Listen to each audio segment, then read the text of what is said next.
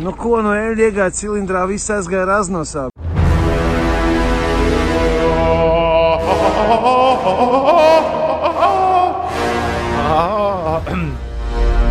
Šitā skan decembra balss. Labrīt!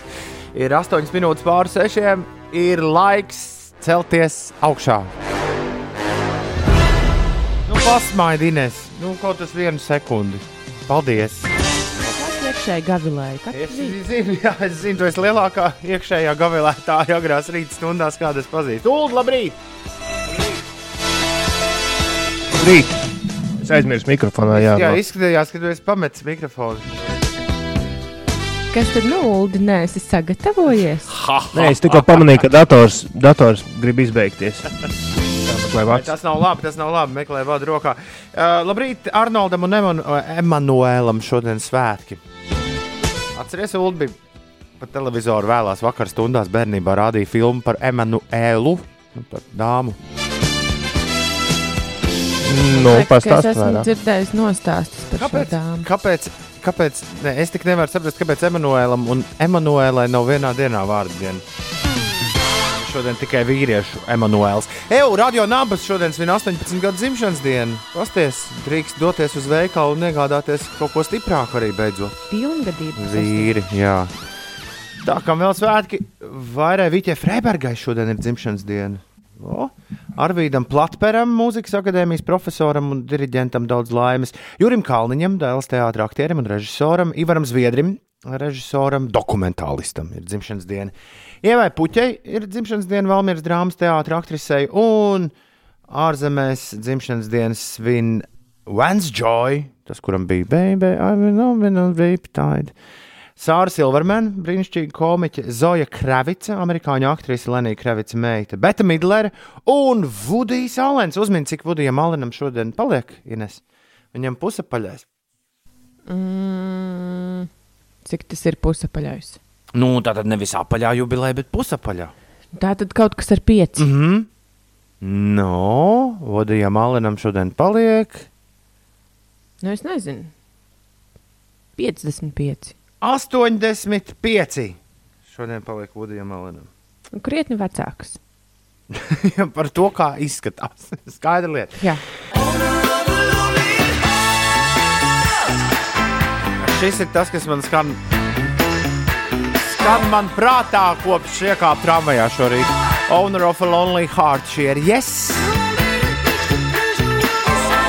Un vienīgā lieta, kas man saistās ar grupu yes, ir tas, ka es reizes sadusmojos uz cilvēkiem, kuri bija ar mani kopā atbraukuši uz festivālu, jo kaut kā laikam mums ceļi kopīgi nevedās. Tad es teicu, jūs ejiet, kur jūs gribat, es eju uz yes koncertu. Bet, uh, ja es šausmu, es vienīgo dziesmu šo zinu, ja es nenormāli kavējos, un es tā arī viņus nesagaidīju.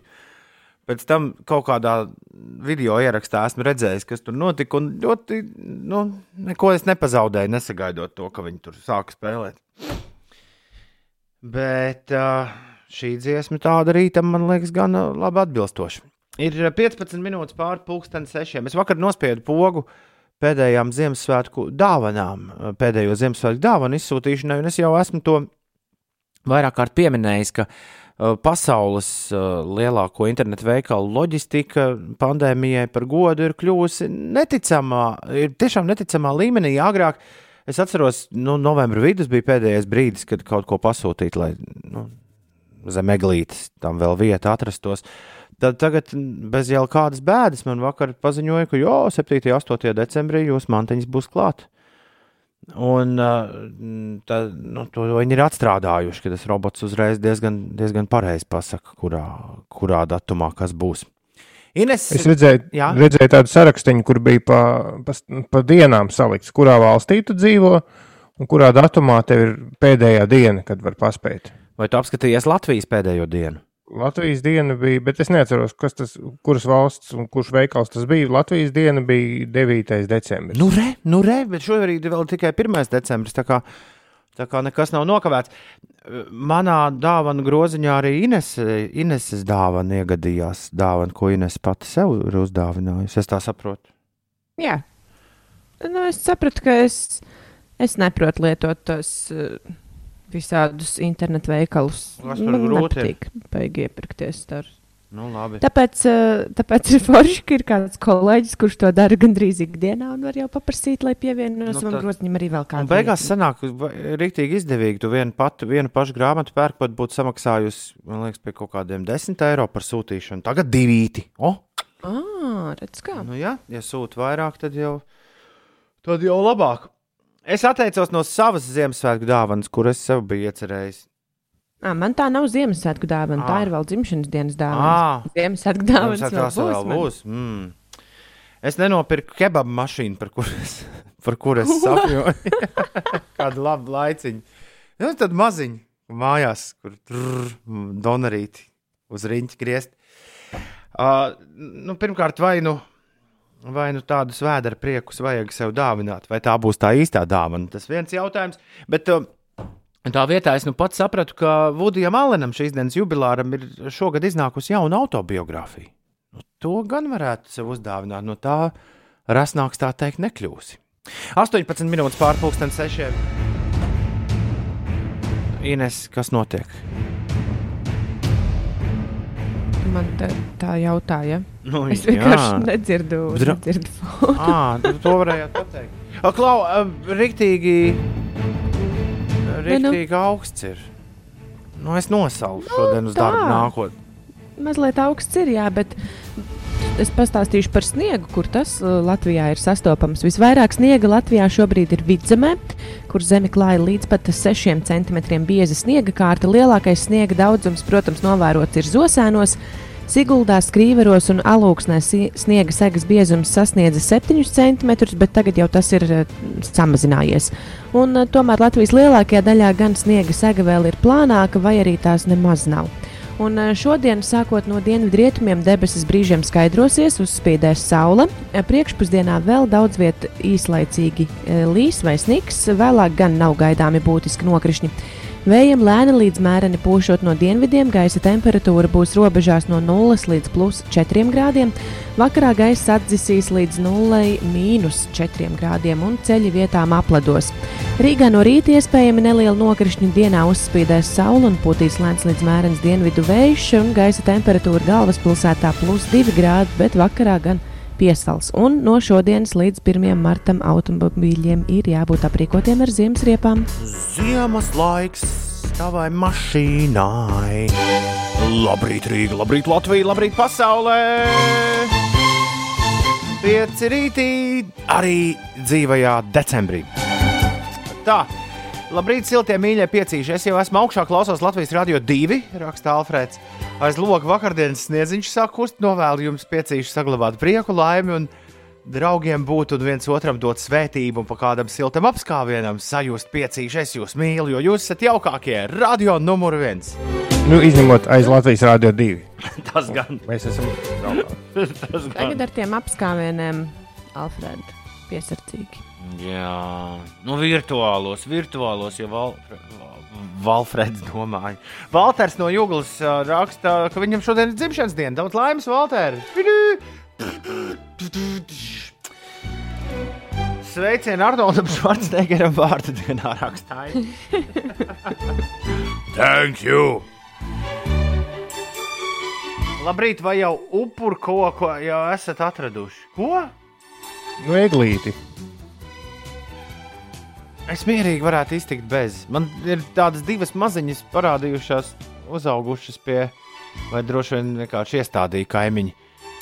Parādījušās sēdz vidū, ka varētu pilnīgi mierīgi izgraznot tās un iekšā nemaz neko nedarīt. Bet bērni jau kaut ko muldēja, ka vajag. Kur tu būs eglīte? Kad būs eglīte? Vai mums atkal pēdējiem būs eglīte? Es kaut kā ļoti ceru, ka šī būs tā problēma, ar ko kāds cits tiks galā, un man par to nebūs jādomā. Labrīt, mīļie piecīši, Inês raksta pats labākais radio pasaulē. Nu, ej, nu, ej, tā? Jūs iedodiet tādu pozitīvismu, lai kāds ar nebūtu noskaņojums ar jums, vienmēr viss uzreiz uzlabojas. Gan muzikāli, informatīvi, kā arī rīta raidījuma humors. Veselību visiem, lai gaiši! Paldies, Inês! Inet, laikam, va- vakardienas raidījumu par to, kā mēs printējam īsiņus un liekam pie sienas. Ja šī izklausās tā, it kā tā būtu jāliek pie sienas. man vēl mazliet ieinteresēja tas, ko tu teici pirms pusminūtes.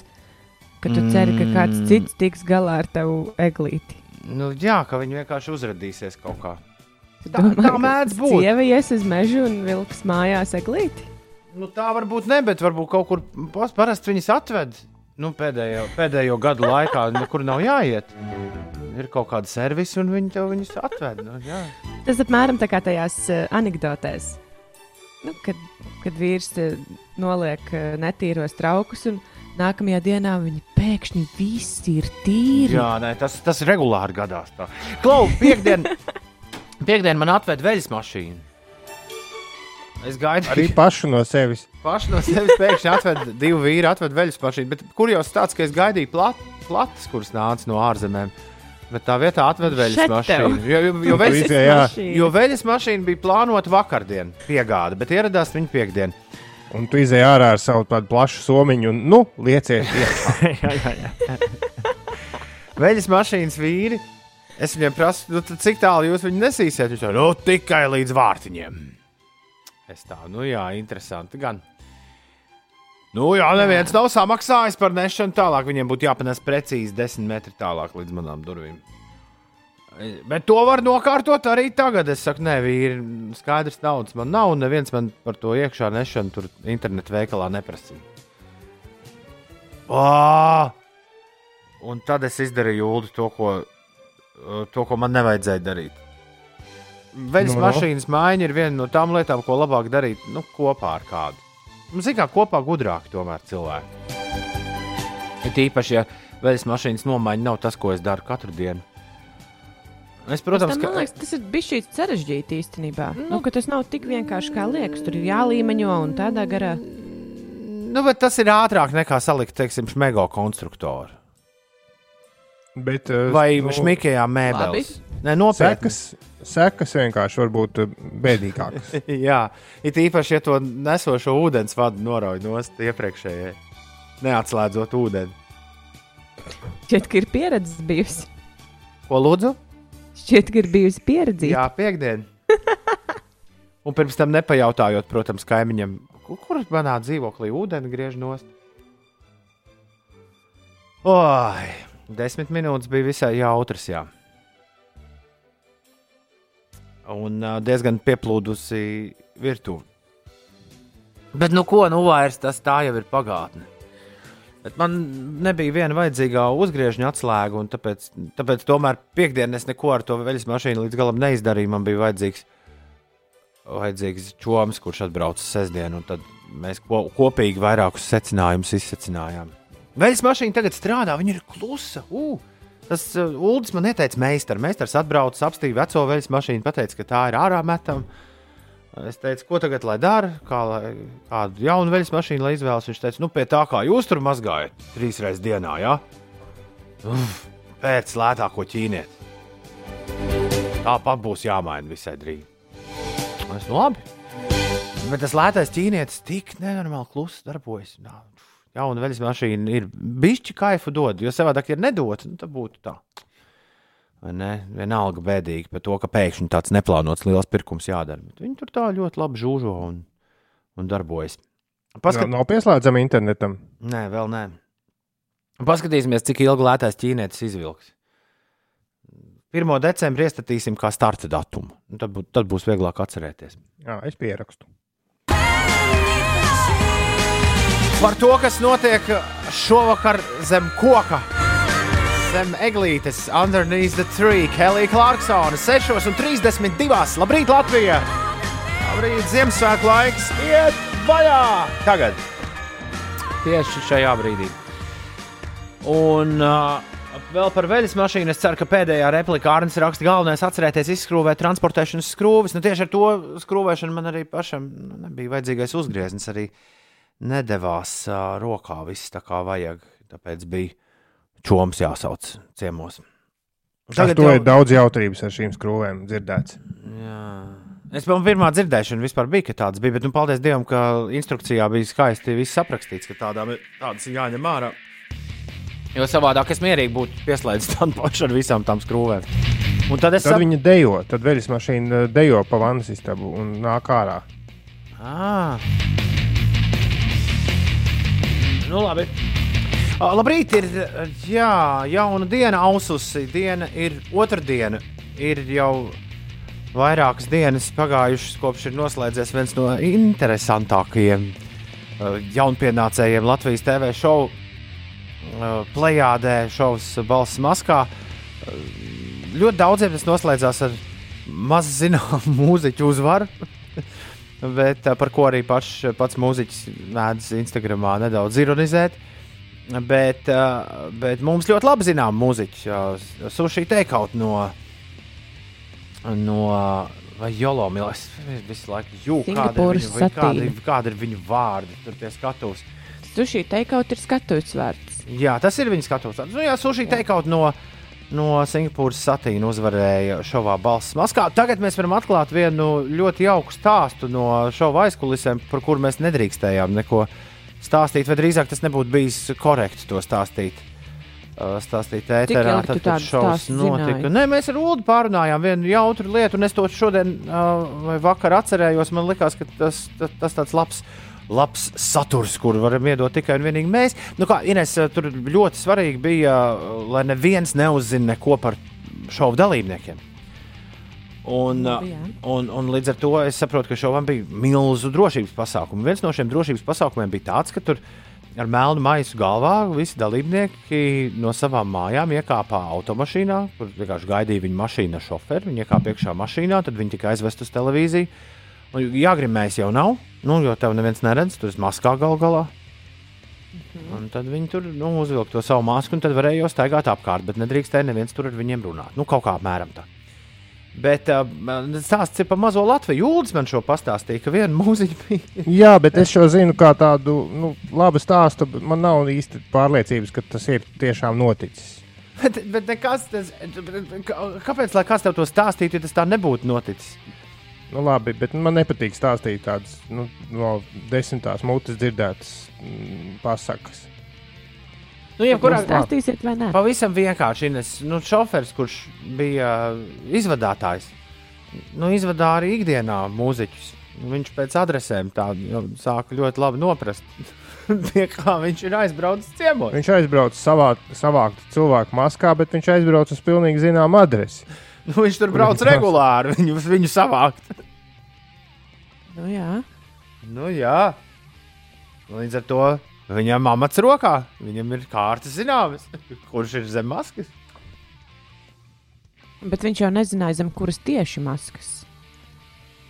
Man liekas, ka viņas tur tajās mašīnās veda maskās. Kaut gan Eņģis sazina, kā tas tur viss bija. Kā tu daminat, tu savā milzu tērpā varēji mašīnā ielīst? Nevar, nevar, ne. Varbūt viņai maisas galvā. Ja šis turpināsies vēl otro, trešo sezonu, nu kādu dienu vienam no mums tur būs jābūt. Nu, tur vienkārši nepietiks cilvēku savādāk, kas piedalās. Tad mēs varēsim arī to nu, skrupulozi izanalizēt. Vispār pēc, Kāpēc liekas, ka Tomam ļoti gribētos būt? Viņš tik pa laikam par to ierunājis. man liekas, pēc pirmās sezonas vispār mm, gan, nu, man, man nav sajūta, ka viņiem izbeigsies cilvēku. Iedomājieties, cik Singapūras satīnā ir čaļu. Tas gan, tas gan. Ulu, kāpēc tu to stāstīji Tomam? Ja tev nepatīk atstāstīt pasakas, Nē, tas- tas... uzsildītas. Jautrs stāstīns, bet nu ne jau ēteram. Kāpēc ne?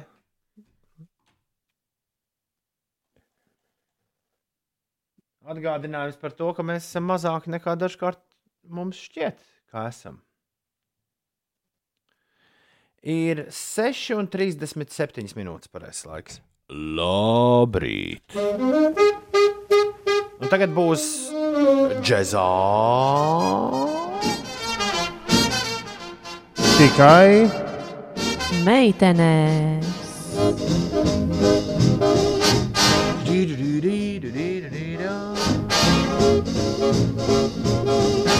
Tas fakts jau esot teikts par šoferi pa televīziju. Nu, jā, bet es to nezināju ar detaļām. Un, zin, kā, ja tu kaut ko stāsti, tad vajag zināt nu, precīzi un, un tā, nevis tā. Ap, jo, jo tā rodas baumas, ka tu stāsti apmēram kaut ko dzirdētu. Skaidrs, ka tas stāsts ir bijis. Ab, es, Bet- es vairs. Es nekā tā vairs nedaru. Nē, šim bija vienkārši jāsagatavojas un jāpajautā, kā tas tur īsti bija. un Tad tas būtu rīktīgi foršs stāsts no pirmā vārda. Bet tā nu, ne, nebija zināmas detaļas, teiksim tā. Tā, ko mēs klausīsimies šorīt džēza laikā? Kaut kad senos laikos mūsu džēza grāmatiņā es biju pierakstījis divus vārdus - Vins Mendoza. Vins ar C, Vins Mendoza. Neko neizsaku, bet labi. Stāsti. Viņš ir tāds vīrs, kuru es, mēs esam spēlējuši. Viņa gara darbus man šķiet, džēzā nu, vismaz vienu vai pat vairākas reizes. Viens no leģendārākajiem aranžētājiem džēza pasaulē. Cilvēkiem, kas vienkārši citu, citu mūziķu ierakstiem uzraksta notis Big Bandam vai mazākam sastāvam, saliek visu pa plauktiņiem. Un, un viņš vis ļoti daudz strādājis ar Rendiju Brekeru un, un Maiklu Brekeru. Un viņu šo skaņdarbu mēs arī esam, nu, vienu no viņa aranži, aranžijām arī esam spēlējuši džēzā tikai meitenes. Strādājis Blue Note Records kompānijā un nu, darījis ļoti daudz darbus un aranžējis sāku, visiem, sākot no visādiem džēzistiem, beidzot ar Džoniju Mičelu un uh, Robiju Viljamsu un Bjorku un tā tālāk. Var sakot, nav tikai džēza vīrs. Viens no, nu, ja tev vajag uh, džēza aranžijas Big Bandam, tad viņš ir viens no, man liekas, top 3 vārdiem pasaulē, pie kā jebkurš popmūziķis arī dotos prasīt, uztaisīt kaut ko tādu foršu. Nu, lūk, un tad vienkārši paskatoties, k- ko viņš ir. Viņš ar Džozu Zavinu ir daudz strādājis un vēl visu kaut ko. Bet uh, po, viens no populārākajiem viņa albumiem ir kopā ar Metropoles orķestri un uh, dziedātāju Alžēro 12. 2012. gadā ierakstītais. Tā, kā sauc albumu? Tā. Alžēro un Metropoles orķestris live. O, Live no kaut kāda teātra, kur nosaukumu man līdz garam, galam nerāda. Nu, lūk, Alžēro arī mēs esam spēlējuši. Tas tāds ļoti jautrs vīriņš ar uh, ārkārtīgi izteiksmīgu skatuves valodu, ko mēs arī dzirdēsim. Un viņš arī, nu, džēzā tikai meitenes īstajiem faniem nav svešs. Bet tad viņi tur kopā sametās ar orķestri un uzspēlēja dziesmu par pīlēm. ar augstu pīli. To, ko brokastīs pasniedz Cold Duck, Alģeru, Vince Mendoza un The Metropole Orchestra. Jā, interesanti, ka nevis orķestrā, bet orķestrā. The Metropole Orchestra.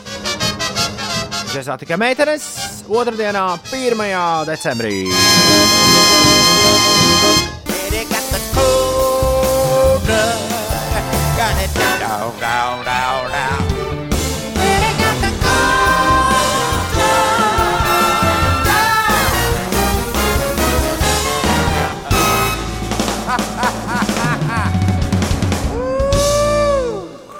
Yay! Alģeru! Vince Mendoza, Metropoles orķestris. Džezā tikai meitenes Cold Duck šajā rītā. Inês, kas notiek? Oh, vēlreiz. Inês, kas notiek?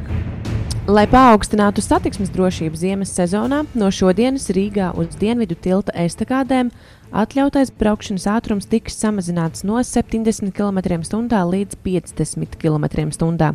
Braukšanas ātrums tiks samazināts posmā no uzbrauktuves no Maskavas ielas līdz Lubānas ielai un eh, pretējā tilta brauktuves pusē no Lubānas ielas līdz uzbrauktuvei no Piedrujas ielas.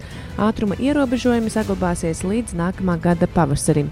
Un atkārtošos jau nezinu, kuro reizi, bet no šodienas līdz 2021. gada 1. martam visiem automobīļiem ir jābūt aprīkotiem ar ziemas riepām, kas eh, paredzētas braukšanai ziemas apstākļos. Eh, Minimālais protektors šīm eh, riepām var būt 4 mm, un šo noteikumu neievērošanas gadījumā ir paredzēts sots 30 eiro apmērā. Šodien notiks valdības un krīzes vadības padomas kopsēde, kurā lems par valstī Covid-19 dēļ izsludinātās ārkārtējās situācijas pagarināšanu, kā arī jaunu ierobežojumu ieviešanu. Ministru kabinets lems par plašākiem atbalsta mehānismiem arī krīzes skartiem uzņēmējiem un nodarbinātajiem, un uh, Krišjāns Kariņš rosina arī jau nākamajā nedēļā, jeb par divām nedēļām agrāk sākt skolēnu ziemas brīvlaiku 1. līdz 4. klasē, vienlaikus, protams, attiecīgo periodu pagarinot arī mācību gadu vasarā. Un tad skolā atstājam 5. un 6. klasi tikai. Jā. Bet, nu, ja sākam brīvlaiku šobrīd divas nedēļas agrāk, tad vasarā divas nedēļas ilgāk būs jāmācās. Līdz jāņem. Jā. 6,47. Uh, pirms mirkļa mēs džekā tikai meitenes klausījāmies Vinsmanu Dozu, klausījāmies Alģeru un Metropoles orķestru. Rūlis vēl par orķestru gribēja pāris vārdus teikt. Jā, es kamēr skanēju dziesmu, izpētīju. Tas ir uh, Nīderlandes uh, sabiedriskā radio un televīzijas orķestris. Tāpēc arī tas nosaukums Metropola orķestra. Mm. Un tajā ir ļoti interesanti. Nu, tur ir no 52 līdz 97 mūziķiem, kā vajag. Tas ir nu, simfoniskais un džēza hibrīds. Tuvākais tam ir bijis BBC orķestris, kurš vairs neeksistē. Interesanti, ka viņiem ir divas ritmu sekcijas. Poprokam viena un otra džēzam. Viņi tur spēlējuši visām Eirovīzijām, senos laikos un viskaut kam. Un, un, un, jā, un, diemžēl pēdējos gados ar naudiņām ar vien mazāk un sliktāk un sliktāk. Un, un, jā, un tur kat, nu, pēdējā ziņas ir tādas, ka gandrīz katru otro gadu cīnās par šī orķestra, orķestra pastāvēšanu. Nu, Viņš ir dozi, kā jā. cik viņam četri gramīgi, laikam viņš tur skaitās goda diriģents joprojām, un viņš tad laikam arī palīdz turēt virs ūdens. Skaidrs. Par Vinsmanu Dozu tu minēji, ka viņš tur sadarbojas ar Vēlns. Ko es to faktu, ka viņš ar Bjorku kaut ko darījis kopā. Nezināju, domāju, vai tiešām viņam, uh, viņš ir atbildīgs par slavenāko Bjorkas džēza numuru. It's so quiet, gāja skatīties, nav gan. Viņš ir aranžējis dejotājs tumsā uvertīru uh, leģendārijai Kanu kinofestivālā apbalvotajai mm, uh, Lars von Trīra filmai Dejotāji tumsā. Bjorka uzrakstīja meldiņu, viņš ielika to visu tajā episkajā orķestrī, kas to spēlē filmas sākumā. 6,49 ir pareizais laiks. Tagad būs laika mašīna.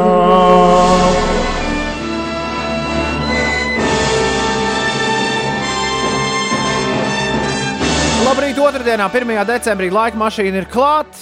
Un 1. decembris šodien no gada, kurā par radio bieži dzirdama šī dziesma.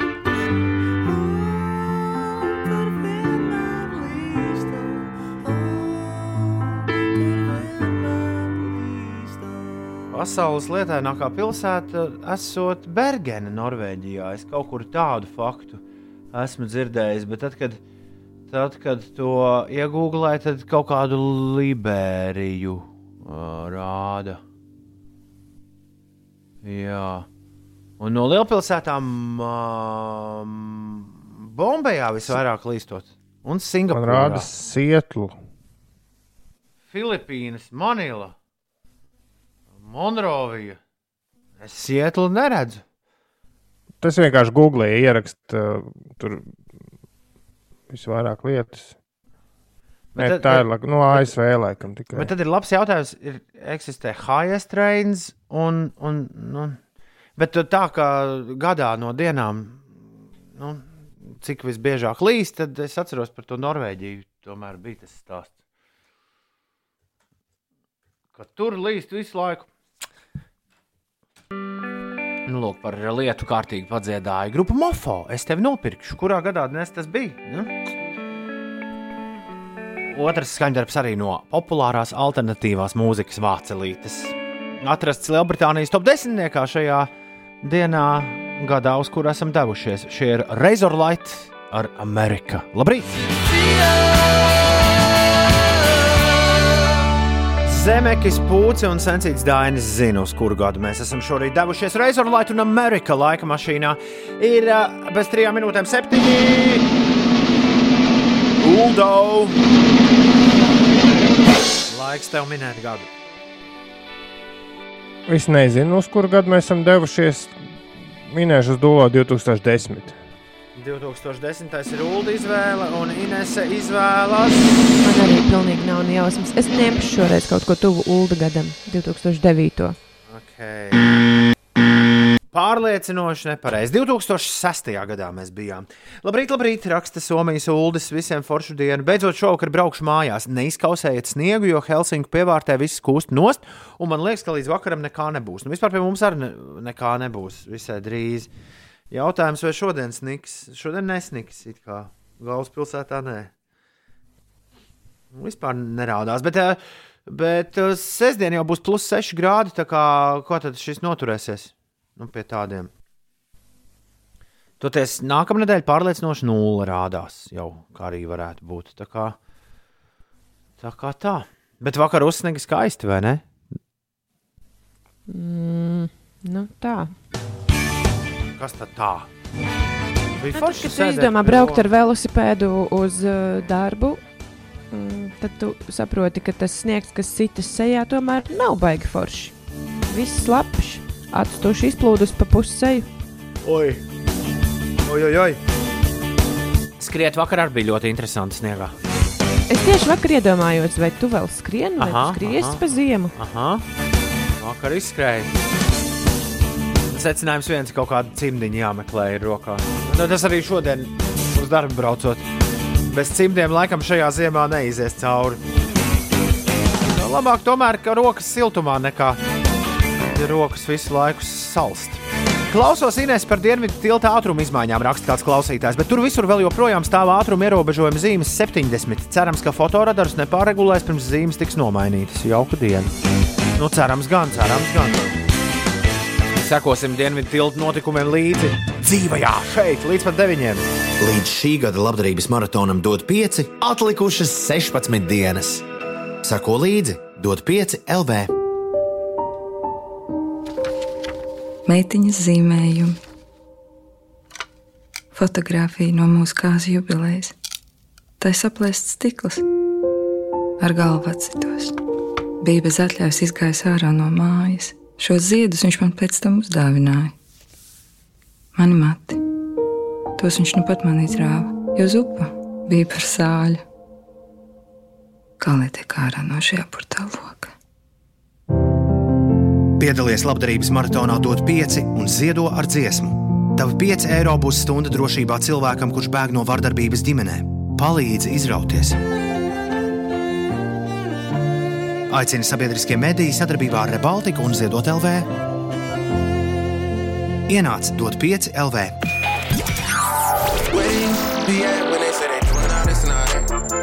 Pieci. Uzgriez un ir.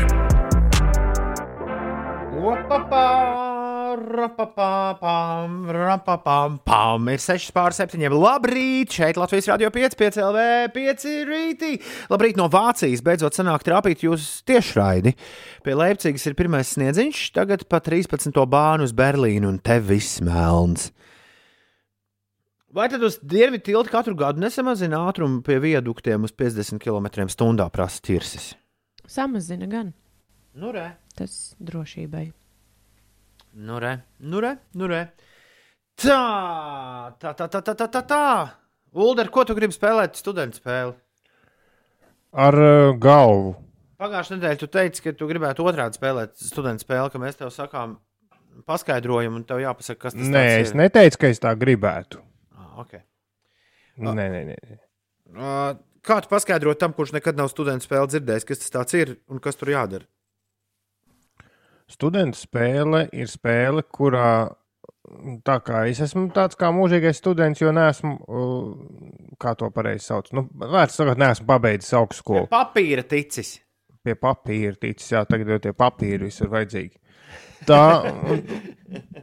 nu jā, un tā, tā droši vien ir daudz, un tad mēs te spēlējamies uh, tādā vispārīgas erudīcijas Viktorīnas formātā. Toms un Ines ir sagatavojuši desmit terminus, kas ir jāpaskaidro Un Nu, vispirms to dara klausītājs, pēc tam to dara tu, jo tu nedzirdi, kā to dara klausītājs. Jā, jā. Un... Kā tas būtu otrādi, to man liekas, var dzirdēt pie Magnus 5 brauc laikā.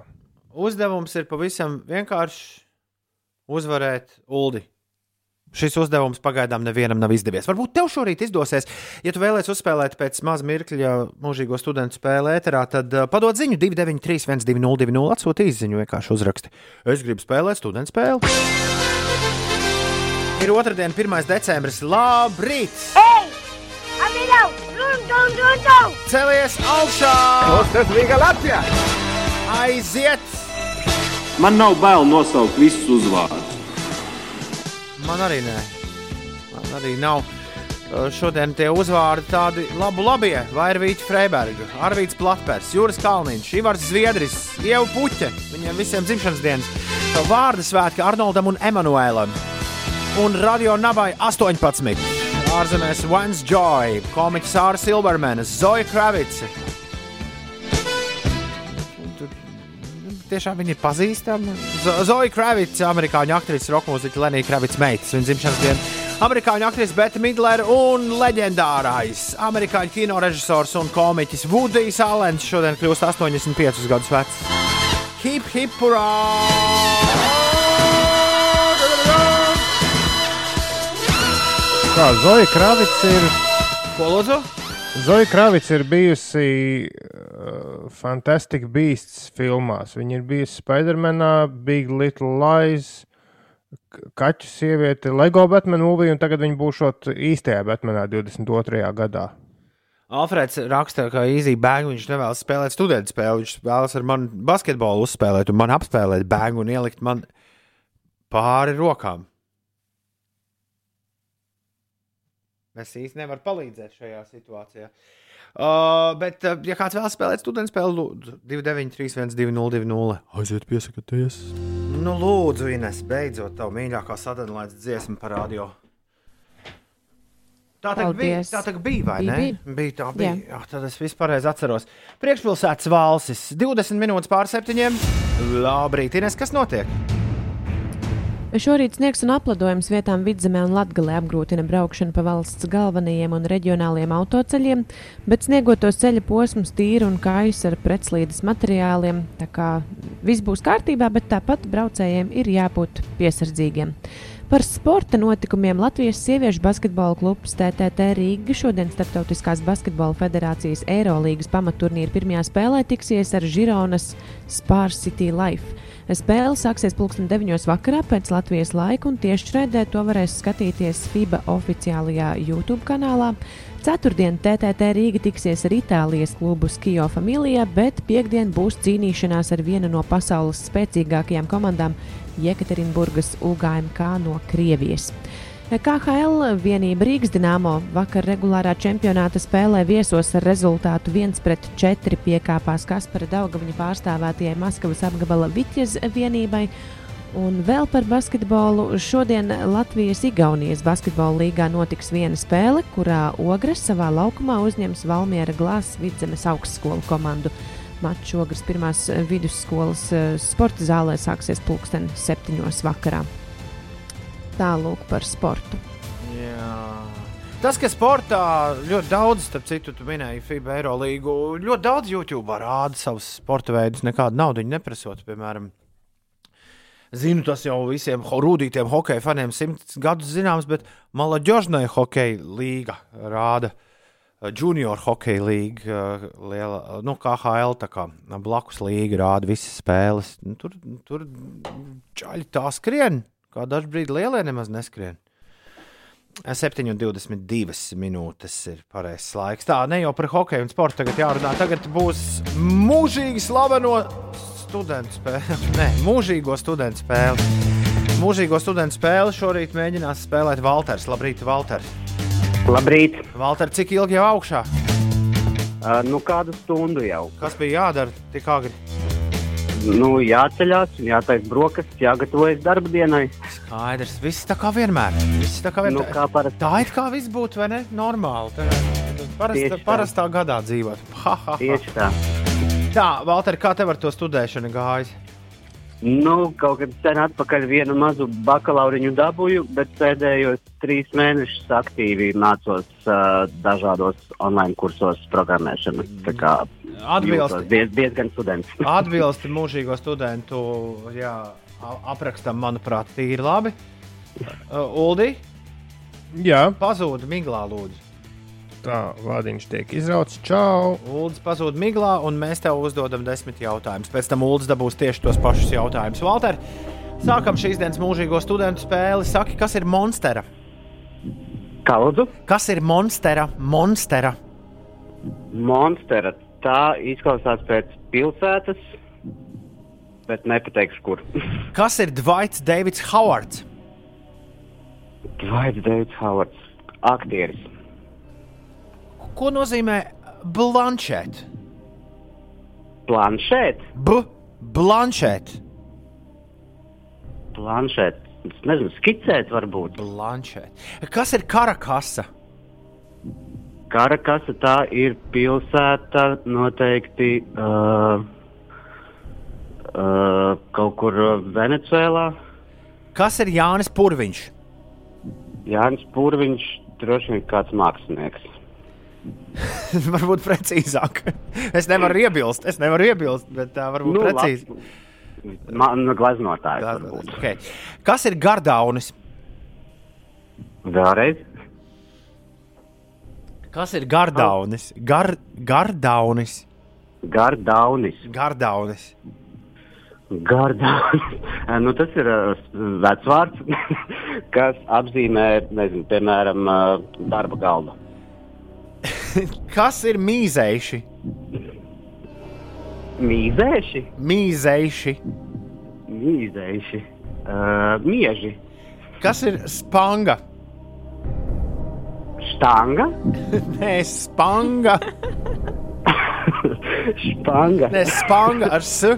Tā kā sija. Spanga. Spanga. S. Stanga. Spanga. Nu, kā stanga ir. Nē, spanga metāls ar p, p, p, spa, spanga. Ak, Dievs, man otrdienas rīta ir dik, dikcija. Ah. Uh, spanga, tā, Spanga. spanga, nezinu, hantele. Kas ir maudze duns? Mauda Duns ir ķīniešu domātājs un, un uh, valdnieks. Un kas ir, kas ir flāmi? Slāmi ir Nīderlandes viena no, iedz- ne, Beļģijas viena no iedzīvotājiem. kas runā Beigās, beigās izlaboja, beigās izlaboja. Labi, labi, labi, labi, labi, labi. Nu, Šis kaut kāds crazy rīts. Tā kā- Šoreiz mēs esam pacentušies ar Šoreiz ir jautājumu. labs, šoreiz ir labs, labs, labs. Nē, nu, Nenormāli. eks, pagaid, nu, stu, mūžīgo studentu spēle ir tomēr nu, eksāmena cienīgs pasākums. Protams, paliec, pie, protams. paliec pie klausulas, Valter, paklausīsimies, kā Uldimies. Ulu, tu esi atgriezies? Jā, es esmu atpakaļ. Lieliski. Nu, tad, Uldi, aiziet, tev tieši tie paši desmit vārdi, kas Valteram. Kas ir Monstera? Monster ir istabas augs. Kas ir Dvaits Davids Howards? Dwight David Howard. Dvaits Davids Howards. Ron Howard ir režisors, Dwight David Howard režisora dēls. Kas ir Blanšēta? Ko nozīmē Blanšēta? Planšēt ir ēdienu gatavošanas tāds uh, veids, man šķiet, ka noņem mizu tomātiem tādā veidā. Kādā veidā? Kādā Uh, veidā? jā? Karstā ūdenī. Uh, Kas ir Karakasa? Karakas ir pilsēta Kur? pasaulē. Kas ir Jānis, kas ir Jānis Purviņš? Nu, kaut kādās siltajās valstīs, uh, man šķiet, ka Dienvidamerikā Karakas ir. Un, Kolumbija varbūt. Okay. Es, es negribu minēt valsti. Jānis Purviņš. Nu, negribiet studentu kungs neminēt. Kas Nu, ir Dienvi, Jānis? es saku Dienvidamerika. Pastāstiet, kas ir Jānis Purviņš? Mums. Kur viņš ir? Kur viņš ir? Jānis Purviņš. Ah. Tas nav purvītam kaut kāds radinieks. Mm. Tas būtu man jāzina. Ja? Mēs par to esam mācījušies šajā semestrī. Ā, Es domāju, ka esat mācījušies. Nezinu, vai šajā semestrī. Nu, glaznotājs gan jau. Kas ir Gardaunis?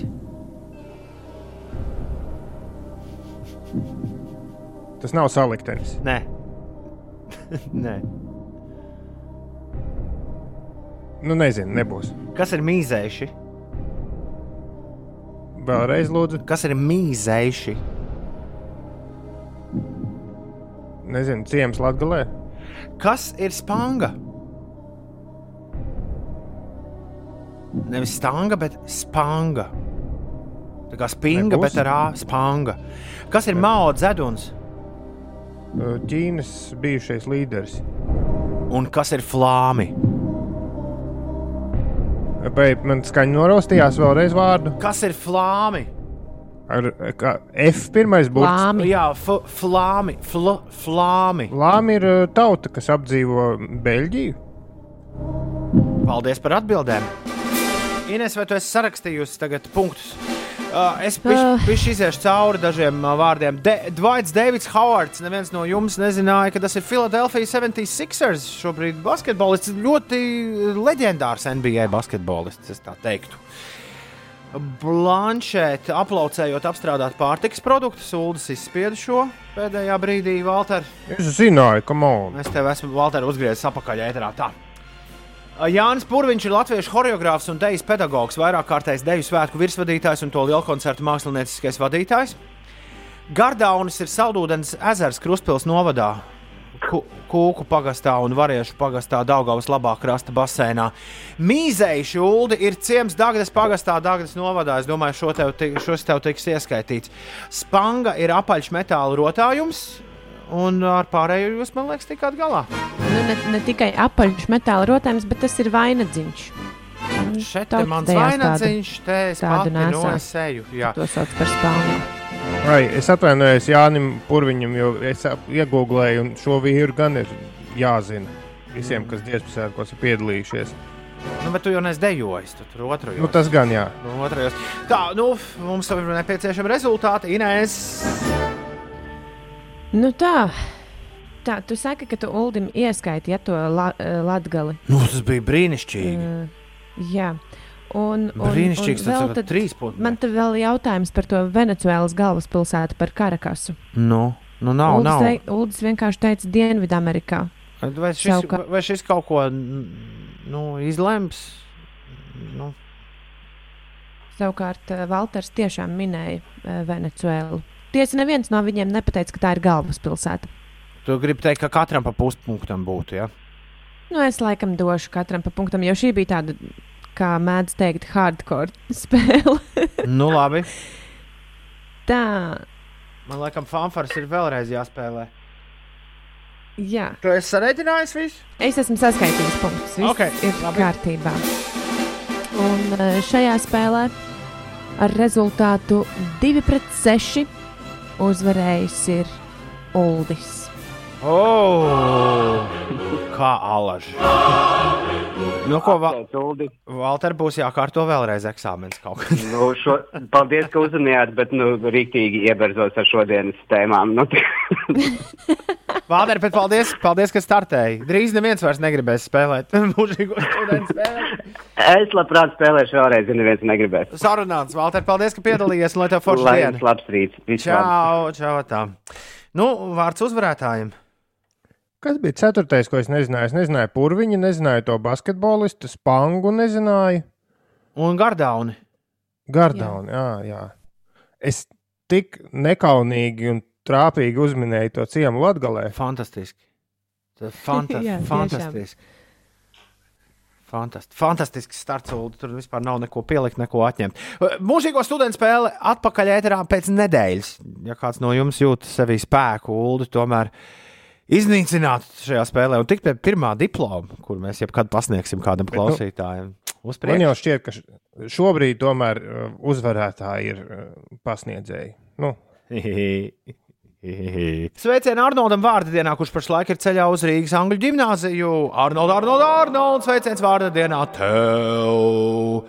Ja tu mācies no 1 līdz 4 klasē, iespējams, ka tev tūlīt sāksies skolēnu brīvlaiks. Man mājās skolēns par to vispār nav nekādā sajūsmā. Nu, tā kā nulle, uh, nulle prieka. Jo acīm redzot, ar čomiem viņiem tur kaut kādi plāni bija. Uh, bet, nu, labi. veikt eksperimentus. Bet pagaidi, pagaidīsim, pagaidīsim, lai šis kļūst oficiāli. Pagaidām tā ir tikai, tas ir tikai priekšlikums, tā teikt, vai ne? Uh, A, Kā ir, ja, ja skola ir pilnībā gatava turpināt mācības uh, ar visu to attālināto? vai nu, nē, šajā ir? ārkārtējā situācijā man liekas, uh, ja pieņem noteikumu, tad tas ir, jā, jā, nu, tas ir jāpilda. Jā, nu skaidrs. Rekur kāds grib piedalīties obligāti šajā te, nu, studentu spēlē, jo grib tevi iznīcināt ūdeni un prasa, vai iesniegt savu prāta spēļu CV. Nē, pietiek ar to, ka uzliek sev atgādinājumu nākamā otrdiena pēc septiņiem būt pie radioaparāta, un tad, kad es saku, jāpiesakās, tad arī pieteikties. Tik ā, vienkārši. Nu, Bišķi jau ir tas mūžīgā studenta moments, tomēr svarīgs. Ja tu esi doktora grādu uh, izcīnījis profesors, tad nu, tad tu neesi īsti mūžīgais students. Taisnība, tas gan, tas gan. Tas gan. 7 un 37. Ja jums kas sakāms nu, par, par dzīvi, tās jēgu, kosmosu un vēl visu kaut ko droši, padodiet ziņu 29, 31, 20, 29, 31, 20, Nekur uh, labākā Ziemassvētku dziesma, kas nav Ziemassvētku dziesma. Padomā, cik augsts ir airu laivā tagad. Ines, tu esi kādreiz pa ziemu mēģinājusi pārērēties. Laivā, nē, neesmu bijusi pa ziemu, bet, eh, ja es pareizi atceros, tad pirms pāris nedēļām bija diezgan labs laiks tieši laivošanai. Gan jau drīz atkal būs pavasaris, kā teikt, nav vairs. Tā ir, tā ir! Pavasaris vairs nav aiz kalniem, dāmas un kungi.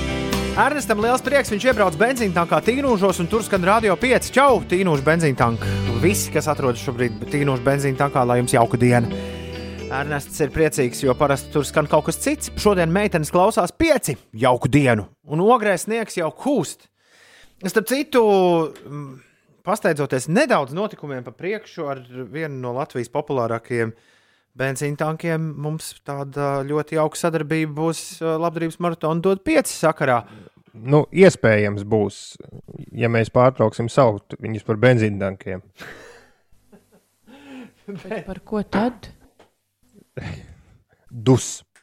Degvielas uzpildes stacija. Mums būs, jā, mums būs liela draudzība. Tāpēc ļoti iespējams, ja tu apgrozies bieži degvielas uzpildes stacijās, ļoti iespējams, ka Latvijas radio 5, 5 LV būs radiostacija, kur tev būs jādzird ā, ļoti bieži šajā pirms Ziemassvētku laikā. Pu- Valdis no Smiltenes nu pat komentē, ka puika nesot sapratis, ar ko viņš mašīnā kopā brauc, kāpēc tētis dzied jocīgu dziesmu. Nu pat, nu tā kā līdzi. Tas par airu laivu. Labrīt, pagājušajā nedēļā minējāt, kā sauc aplikācijas, kurās jūs varat klausīties. Nespēju piefiksēt, vai varat lūdzu to atkārtot. Raksta Elīna. Elīna mūs var klausīties jebkurā aplikācijā, kurā vispār var radiostacijas visā pasaulē klausīties. Un tādas ir daudzas. TuneIn, piemēram, raksta TuneIn. Tad ir radio.net, laikam. Tā viņi sauc. Tā ir rīktīgi forša. Tā man patīk. Un tad var vienkārši, nevajag aplikāciju ievadīt, jebkur, kur var ievadīt interneta adresi fm.5.lv, un tur mēs esam. Ir 7,43. Ines, kas notiek? Ja mēs runājām pirms brīža par sniegu, tad visvairāk sniega Latvijā ir vidzemē, kur zeme klāja līdz 6 cm bieza sniega kārta. Eh, Lielākais sniega daudzums novērots Zosānos, protams, arī Siguldā, Skrīveros un Alauksnē ir sniegs mazliet mazāk, bet uh, citā Latvijas daļā gan uh, sniega ir maz, vai arī tā nav nemaz. Šodien vēl sākot no dienvidu rietumiem debesis brīžiem skaidrosies un uzspīdēs saule. Priekšpusdienā vēl daudz vietā valstī īstlaicīgi līs vai sniks, vēlāk gan būtiski nokrišņi nav gaidāmi. Gaisa temperatūra robežās no 0,4 grādiem un vakarā gaisa atdzistīs līdz 0,4 grādiem. Ceļu vietām aplados, Rīgā no rīta iespējami neliela nokrišņa dienā uzspīdēs saule, putīs lēns līdz mērens dienvidu puses vējš un gaisa temperatūra būs plus 2 grādi, bet vakarā atkal uh, piesals. Par uh, ārzemju vēstījumu Amerikas Savienoto Valstu Viskonsīnas štata varas iestādes ir apstiprinājušas Džo Baidena uzvaru prezidenta Jej! vēlēšanās. Tomēr viņa konkurentam, pašreizējiem Baltā nama saimniekam Donaldam Trumpam, vēl ir iespēja piecu dienu laikā apstrīdēt rezultātus tiesā. Viskonsīnas gubernators jā, apliecina, ka visi no štata ievēlētajiem elektori atbalsta Džo Baidenu. Un, jā, nu, tika pārskatītas divos vēlēšanu apgabalos nodotās balsis, bet pat bez Viskonsīnas štata Džo Baidenam tomēr pietiek uzvarai. Es lasīju šorīt, ka Trumpa kampaņa par šo pārskaitīšanu samaksāja 3 miljonus. Un rezultāts ir tāds, ka Baidenam ir klāta 87 balsis. Jā, ir nākušas vēl mazliet klāt pat. Jā, ir 7,45 minūtes pareizais laiks. Labrīt! Pieci rīti skatās TV. Jā, nu. Es saprotu, ka jūs mājās tā mazāk TV tiek skatīts. Vismaz aizvadītās nedēļas laikā. jūsu mājās daudz skaitlī? Daudz, bet ļoti nu, ir slinkums kaut ko jaunu sākt, kamēr nav noskatīts vecais. Es esmu, varētu teikt, uzsēdies. N- Ne gluži, bet uh, ar milzīgu interesi pieķēros klāt vienam no arī apbalvotākajiem pēdējo gadu nepliķu seriāliem. Par kuru mēs kādreiz esam kaut ko minējuši un ieminējušies. Bet var droši vien, ka plašāk tad es runāšu, tad, kad es noskatīšos, ja es tikšu viņam līdz galam. Nu, viņš nav pārāk garš, tur divas sezonas, un katrā nav pat pa desmit sērijām. The Politician, kur Gvineta Paltrova spēlē tādu zīmīgu lomu. Tas nu gan ir kaut kas varants. Nu, vismaz tieši šajā laikā, kaut kā tieši pēc tam vēlēšanām. un Tā. Tas, tas man tā ir iekritis acīs. Bet šodien es gribēju parunāt par uh, Ziemassvētku saturu nepliķī, uh, kur īsti nav runa par, uh, kur īsti nav runa par seriāliem. Bija viens, to es tagad nevaru sameklēt. Viņiem speciāls tāds Ziemassvētku romantiskais seriāls. Bet ir divas filmas, kuras ar diezgan pamatīgu troksni tika, tika pieteiktas. Nu, vismaz manā, manā tajā ieteicamo filmu sarakstā, kuras uh, droši vien bērni visā pasaulē ir gaidījuši. Vienu filmu sauc Jingle Jangle, Christmas Journey, un otru filmu sauc Christmas Chronicles 2. Un tas Christmas Chronicles par to gan mēs esam šajā raidījumā runājuši. Christmas Chronicles ar Kurtu Raselu galvenajā lomā, un viens pats mājās režisora Krisa Kolumbusa režijā iznāca pirms vairākiem gadiem un uh, kļuva par pirmo tādu nepliķa uh, kārtīgo Ziemassvētku filmu. Vismaz manās mājās tas tika griezts vairāk kārt uz rīņķi, tur stāsts bija par salveci, kurš ņēmas pa pilsētu. Es, ja godīgi, jau sen aizmirsies, ku, kur tur tas sāls aprakts. Bet nu, otrā daļa pēc pirmajām 15 minūtēm izskatās rīktīgi tāda, ka uztaisīta tāpēc, ka jābūt. Tāda bija mana sajūta. Arī bērni īpaši neizrādīja nekādu prieku, tāpēc šo mēs diezgan ātri izslēdzām ārā. Savukārt otrs gabaliņš, kurš sauc Jingle Jangle, A Christmas Journey, uh, jā, Inesēja par nelaimīgu. Uh, Mūzikls? Mūzikls, jā, bet tev nav. Jā, bet, bet tu neesi īsti mērķa auditorija, jo šis domāts ir bērniem. Ir, e, ideja gan ir rīktīgi forša un spēlē filmā galveno lomu Forests Vaitakers, ļoti foršs aktieris. Uh, Jingle Jungle Christmas Journey ir par izgudrotāju. Par izgudrotāju, kurš dzīvo tādā īstā Ziemassvētku pilsētā, neeksistējošā laikā, tādā, tādā kārtīgā pasakas utopijā. Un uh, viens cits ļaunais izgudrotājs nozog visus viņa izgudrojumus, un līdz ar to viņš nu, kļūst, uh, kļūst par uh, ļoti bēdīgu izgudrotāju. Bet viņš ir izgudrojis robotiņu, un robotiņš var, var iedzīvoties tikai tajā gadījumā, ja, ja bez visām detaļām, kas ir nepieciešamas, nu, tur robotiņā ieskrūvējums, te, to arī uh, nu, robotiņam var dot sirds siltumu. Nu, tā tāds. Jā, tur, ja tāds- nav mīlestība, tad nav tā. Nav robotiņa, jā, kaut kā, kaut kā apmēram tā. Un tur, protams, dzied un dejo visi un tā ņemas, bet ir rīktīgi smuki, viss ir uztaisīts un, un, un, un CGI jā, tur grafika labi darbojas.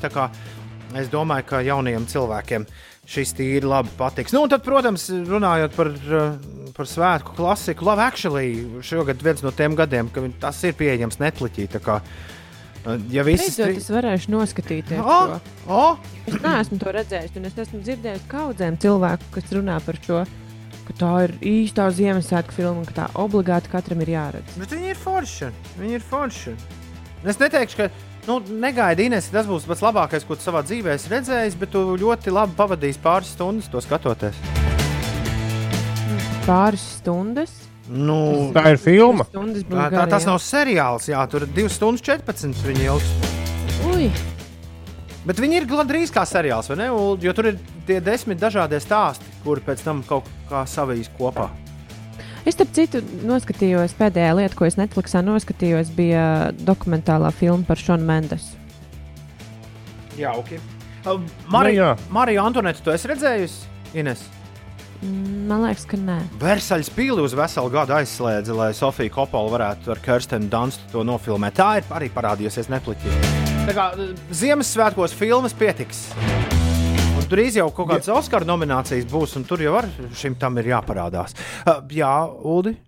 Nē, es domāju, vai bojāt šo noskaņu ar savu prieku par to, ka ir pieejams uh, nu, filmas par Otro pasaules karu krāsās, bet, nu, laikam jau. to ka- es arī pamanīju. Jā. Ļoti žēl, ka ir pazudušas Ken Burns dokumentālās filmas Ken Burns. No Netflix nav vairs, tur bija pie Vietnamas karu. Bet jā, es jāatzīst, ka kamēr to skatījos Ziemassvētku filmas, man ļoti kaut kā, ir īpaši šajos laikos, uh, no- nomierina filmas par vēsturi un tās dažādiem nu, tādiem smagākajiem notikumiem. Nu, ar domu, ka nav tik traki nemaz šobrīd. Ja? Pat ne ar īstu domu, bet ļoti interesanti. Es par Hirošimu noskatījos tikko vienu dokumentālo filmu ar lielu interesi, kā tur viss un kur un kāpēc un kā tas politiskais fons. Jo notikums jau zināms, bet kā tas viss tur varas gaiteņos līdz tam nonācis, to ir interesanti paskatīties. Bet labāk paliksim pie Jingle Jangle un Christmas Journey. To tad uh, pieci rīta pavisam noteikti rekomendē. Skatās TV rubrikā. Un tu vakar stāstīji par muzejiem, viņu interesantajiem plakātiem. Iveta no ērgļiem raksta, meklēja, bet nevar atrast. Tu vari lūdzu pateikt, vai varbūt Twitterī ieliec, kas tur bija. Tu biji pat e-punkts uz uztaisījis vakar. Nē, tur bija LTV ziņas, uztaisījuši sejpunkts uz nekad vairs. Ah. E-punkts uz slīpsvītra nekad vairs Iveta. Tas ir viss, kas tev ir nepieciešams. Tas par muzejiem un tas par plakātiem. Nē, neviens vairs. Pagaidzi, atvainojos. Kā tu? Neviens vairs, jā. Vai man vakardien atsūtīja draugi veselu pilnu WhatsApp piesūtījumu man No, ar šīm re. bildēm? Nu, re. Jā, neviens vairs. Līga. Līga tāda kaujinieciska. Viņa saka, varētu vispār aizvērt skolas ciet. Nu, nebūs tas godīgi ne pret bērniem, ne pedagogiem, ja aiztaisīs atkal skolu ciet. Pātrinās brīvlaiku. Ņem un čakarējies, lai pielāgotu skolu pēc visiem noteikumiem, bet nē, Līga ir skolotāja. Un es varu saprast, bet es, es saprotu, ka nu, tā, pēc, pēc visi, visi tā, ko mēs esam dzirdējuši iepriekšējās dienas, tā politika, ko veiks mm, jā, valdība tuvākajās nedēļās, būs tāda, lai mūsu kaut kādus savstarpējos kontaktus pēc iespējas izskaustu vispār. Ja viņiem pašiem izdosies vienoties valdībā, jo es saprotu, ka tur ir šobrīd ir lielas cīņas iekšēnē, tā izskatās vismaz. Viens saka, ka veikals vajag atvērt, otrs saka, ka vajag aizvērt. Nu Jā, katrs tur uh, cīnās vai nu par savu nozari, vai par vispārējo labumu, vai par uh, pašu labumu. Droši vien šodien pie kaut kāda kopsaucēja tomēr. Bet viens ir, viens ir skaidrs, ka šie Ziemassvētki un jaunais gads būs ļoti interesanti un paliks mums atmiņā uz visiem laikiem. Nu. Man liekas, tādas labāk ātrāk aizmirst.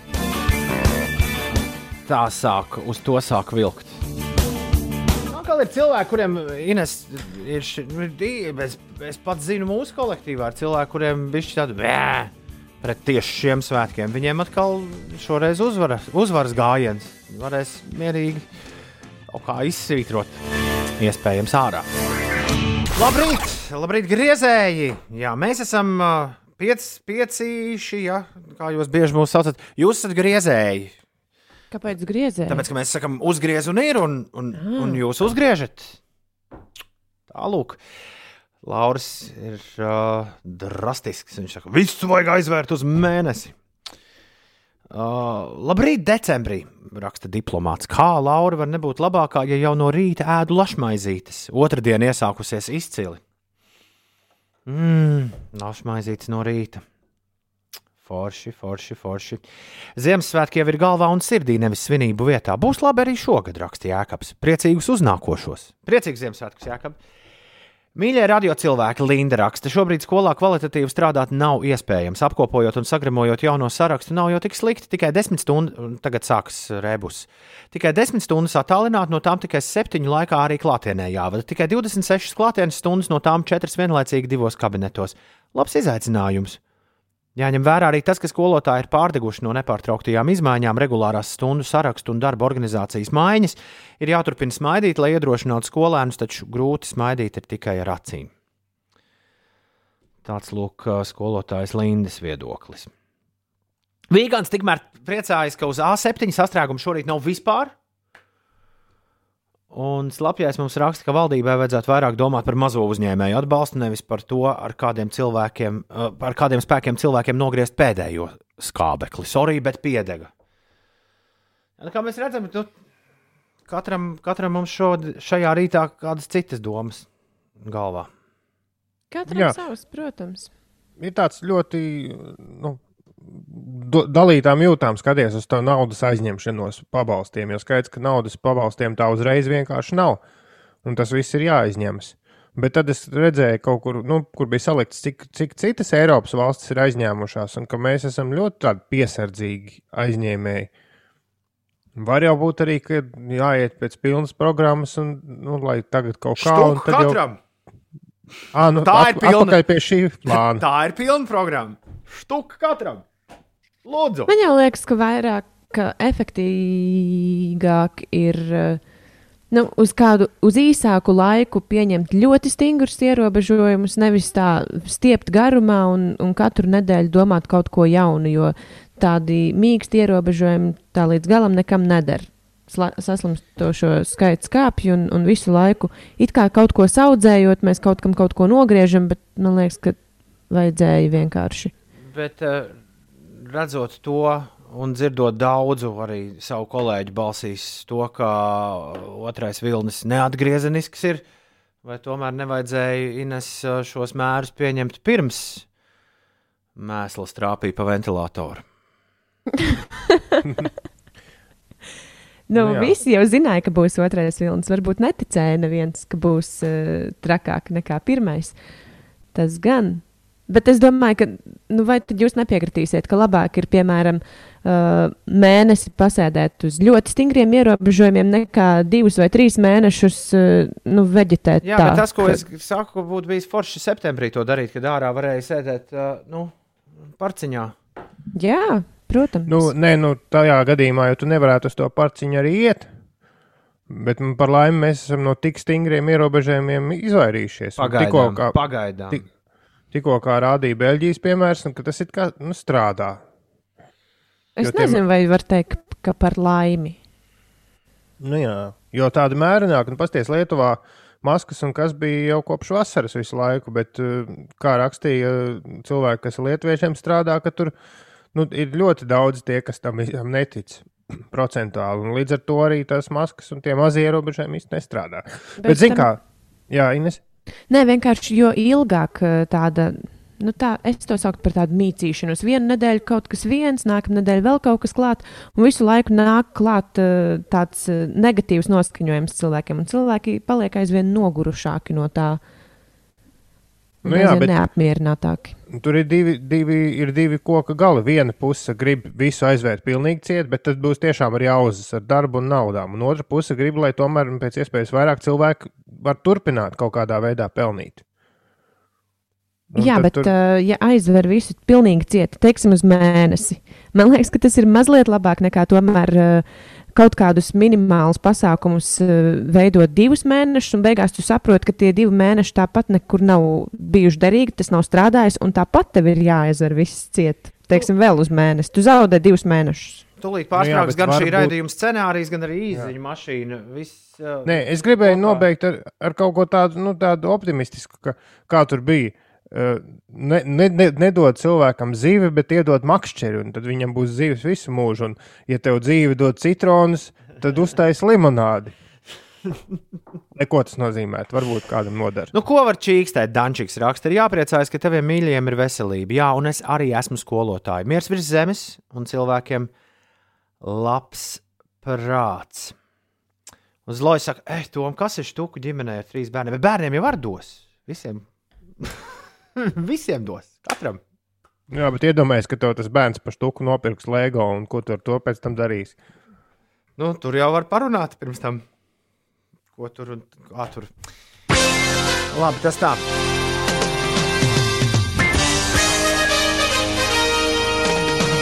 Astoņi un vienpadsmit.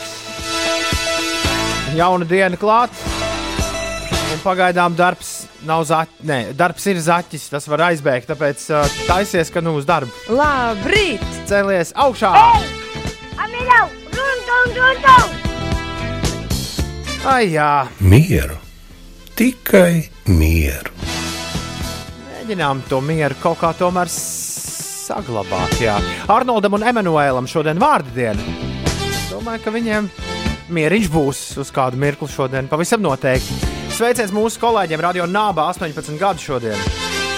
Daudz laimes neformāļi. Madara, Oliver, vispārējie, lai jums labi skan. Atižāgar, jā. Vairai Vīķai Freibergai, bijušajai valsts prezidentei, šodien dzimšanas diena, diriģentam, mūzikas akadēmijas profesoram Arvīdam Platperam arī dzimšanas diena. Šodien dzimšanas diena arī Jurim Kalniņam, Dailas teātra aktierim, daudz laimes dzimšanas dienā dokumentālistam Ivaram Zviedrim un Valmieras drāmas teātra aktrisei Ievai Puķei. Sārai Silvermanai, komiķei un aktrisei dzimšanas dienu, Vans Joy, riptāja dziedātājs svin dzimšanas dienu. Zoja Dašanēla, nē, Zoja Kravits svin dzimšanas dienu, Beta Midlera, amerikāņu aktrise un Vudijs Alens, leģenda, kino leģenda arī svin dzimšanas dienu. Ir jau 8 un 13, un šis ir Konants Grejs, gandrīz Ziemassvētku dziesma Heather. Latvijas radio 5, 5 LV ēterā. Ulu pie kāda secinājuma nonāca savā sviesta situācijā. Man šķiet, ka tas palika mūsu izziņu mašīnā. Nevis izziņu mašīnā, bet mūsu čatā. Uh, Par to mēs nerunājām tiešajā ēterā, bet varbūt es esmu kļūdījies. Nē, esam runājuši, nē, to Ulas droši vien ir sociālos tīklos redzējis. Jā, es vakardien veicu pēc kāda internetā atrastas raksta veicu aptauju nelielu, kā tad cilvēki glabā sviestu. Vai sviestu glabā ikdienā leduskapī? Es esmu leduskapī, Džeks. Ines, tu? Es arī. Nu jā, un, un kā rāda manis veiktā aptauja, kuras rezultātus es tūlīt uztīšu. 69% ir leduskapi cilvēki. Bet vajadzētu Bet ļoti... otrādi, ja? Nē, nu, ļoti daudziem ir īpaši sviesta rituāli. Kas tas par sviestu, ja es tagad tev virsū sviestu sviestu? Uh, Nē, nu, tas nozīmē, ka sviestu pirms smērēšanas no rīta izņem no leduskapja un tur visu dienu uz, à, nu, uz galda. Skaidrs, skaidrs, skaidrs. Un stāsta, un, un kā man kāds rakstīja, mums vienkārši nav tik daudz tā sālītā sviesta, kas ir citur pasaulē. Mm. To var droši glabāt. Bet arī mūsu sviestu vairākas dienas var, nu, var turēt uz galda, un nekas slikts tam nenotiks. Tas ir tikai tava piereduma jautājums. Daudz laimes dzimšanas dienā Ringoldam Benrovičam. Daudz laimes, Ringold. Un ieraksta, man šķiet, ka jāpiemina, ka šodien dzimšanas diena ir mūsu stiprākajai un gudrākajai sievietei, Vairai Vīķai Freibergai. Jau mēs to pieminējām. Daudz laimes vēlreiz uh, Vairas Vīķis Freibergas kundzei. Jūsu aplikācijā nav Ziemassvētku radio raksta plēksti. Jā, mūsu aplikāciju vairs neviens neatbalsta. Nu, pareizāk sakot, neviens tai neķeras klāt. Būs tev jāklausās Ziemassvētki.5.lv. Tur ļoti labi skan. Nav nekāda vaina. Es šorīt vēlos jums nospēlēt pāris jaunas pašmāju dziesmas, un viena no tām piedzīvoja pasaules pirmizrādi vakar. To izpilda šī brīža viens no svarīgākajiem jaunajiem reperiem, Sārģei. Bet viņš ir kā viesmākslinieks, jaunas un ļoti daudzsološas solistas Loretas Reidas jaunākajā singlā. Šo, sa šo sauc stāvi manā priekšā, tu, Loreta Reida un Sārģei. 5LV 818. Šis ir tikai sākums. Cardi B un Megan Z Stallion Web, pirms tam Loreta Reidi un Sārģei stāvi manā priekšā tu 8 un 24 šeit Latvijas Radio 5, 5 LV. Cēlies augšā, cēlies augšā. Ines, pastāst mums kaut ko svarīgu. Pat labi, Maskavas ielas pagriezienā uz Slāviju ir jārēķinās ar gandrīz 8 minūšu aizkavēšanos Torņa kalna ielā posmā no vienības gatavas līdz Ojāra Vāciešu ielai. Teju 6 minūtes jāpierēķina klāta ceļam un granīta iela posmā no Rājums ielas līdz Krustpils ielai. Tur 5 minūtes. Līdzīga situācija arī Lubānas ielā, Viestura prospekta pagriezienā uz Tiltu ielu un arī Gustava Zemgala gatavē. Citās vietās gan situācija visai laba, arī kā jau mums kāds klausītājs rakstīja, uz A7 posmā Kroksilas balāžu pagrieziens nav novērojams sastrēgums. Droši vien tie, kas brauc no Bauskas puses uz Rīgu, Tiem rīts iesācies ļoti labi. Šodien Latvijā sākot no dienvidu rietumiem debesis brīžiem skaidrosies un uzspīdēs saule. Priekšpusdienā gan vēl daudz vietā valstī īslaicīgi līs vai sniks, bet vēlāk nav gaidāmi būtiski nokrišņi. Vējam lēni līdz mēreni pūšot no dienvidiem, gaisa temperatūra būs 0 plus 4 grādu robežās, bet vakarā gan gaiss atdzisīs līdz 0,4 grādiem. Daudz vietu ceļi aplados, Rīgā no rīta iespējama neliela nokrišņa dienā uzspīdēs saule un gaisa temperatūra plus 2 grādi. Atgādināšu, ka, lai paaugstinātu satiksmes drošību ziemas sezonā, no šodienas Rīgā uz dienvidu tilta estakādēm atļautais braukšanas ātrums tiks samazināts no 70 km/h līdz 50 km/h, un tā tas būs līdz pat nākamā gada pavasarim. 8,26 ir pareizais laiks. Es esmu saņēmis jaunu Ziemassvētku dziesmu, jaunu Ziemassvētku oriģinālu dziesmu no kādas dāmas, kuru arī jūs, Ines un Ulu, labi pazīstat. U, nu. Uzminiet, nu, kas tā par dāmu viņa atsūtījusi ir Ziemassvētku dziesma, kamēr mēs gulējām. Liena Kandī. Tā Latviešu nav, dāma? Tā, tā nav Liena Kandī. Jā, tā ir latviešu dāma. Mm, Mēs viņu Ingrīda labi Udre. pazīstam. Ingrīda Udra tā nav. Ne. Ramona Petroviča tā arī nav. Pirms, pirms kāds no jums to pajautāja. Jā, Es nemaz vai nebūtu jautājusi. Tā ir ā, dāma, kurai ir parasti interesanta matu krāsa. Kato! Jā, kā to ir atsūtījusi jaunu Ziemassvētku dziesmu. To sauc par plastmasas eglīti. Un es vēlos to noklausīties ar jums visiem kopā pirmo reizi. Absolūta pirmizrāde, absolūti pirmizrāde. 8,27. šī ir Kato un viņas Ziemassvētku pieskāriens. Tu un kaķis un es pie vislētākās plasmasas eglītes. Pie vislētākās plasmasas eglītes.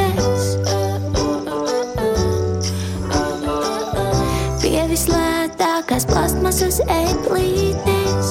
O, šis ir par ūdeni. Kāpēc par Ulu, par kaķi? Tāpēc, ka dzied. Nu, nezinu. Viņa zina, ko dzied, jo uh, kaķiem tiešām laikam labāk ir lētāko plasmas eglīti. Man ir plāns šogad sarūpēt eglīti, bet man nav nejausmas, kā zvērs to rēģēs. No, man nekad nav bijusi plasmasa eglīte.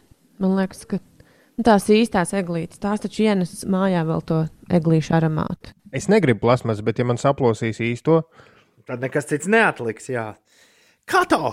Plasmas seglīte. Ļoti jauks maziņš Ziemassvētku brīnums no Kato. Es nevaru sagaidīt, kad mēs šo dzirdēsim, dzirdēsim stikla studijā.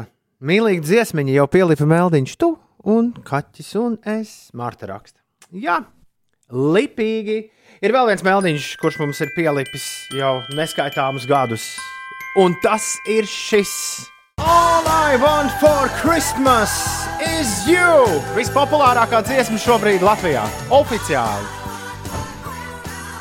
Tā ir dziesma, ko ļaudis visvairāk klausās savos mobilajos tālruņos un tumbiņās šajā brīdī. Mariah Carey vienmēr modē. Uz salu tilta tikmēr ir notikusi avārija virzienā no centra, un jūs turpināt sūtīt savus stāstus par kaķiem un eglītēm. Man mājās Deisa raksta, ir zināt, kā ar meitiņu, kurai Ziemassvētkos būs viens gads, desmit mēneši un četrus mēnešus jauna hiperaktīva kaķu dāma. Es pat nezinu, ko lai mūsu eglīte sagaida, bet tā būs īsta. Un uh, pateicoties diviem kaķiem, Everitē eglīte nav jau astoņus gadus. Tālūk. Lai izturīgas eglītes jūsu mājās, nu, tavās mājās, Ulu, lai tur viss ar tām ir kārtībā. Ir 8,35 minūtes. Ulu, tev jāsagādā demo eglīte priekš kaķu reakcijas testa. Tad tu zināsi, vai dabīgo vai mākslīgo pirkt. Bet kā tu A, jā, es pagājušajā varētu. tu pagājušajā gadā tiki galā? man nebija. Eglīte. Jā, Tad varbūt vienkārši jāturpina šodien, šogad šī pati tradīcija. Nu, Jā, bet gribas jau to svētku sajūtu. Šogad nav, decembrī nav nekāda apkārt skraidīšana, un būs ļoti daudz laika jāpavada mājās.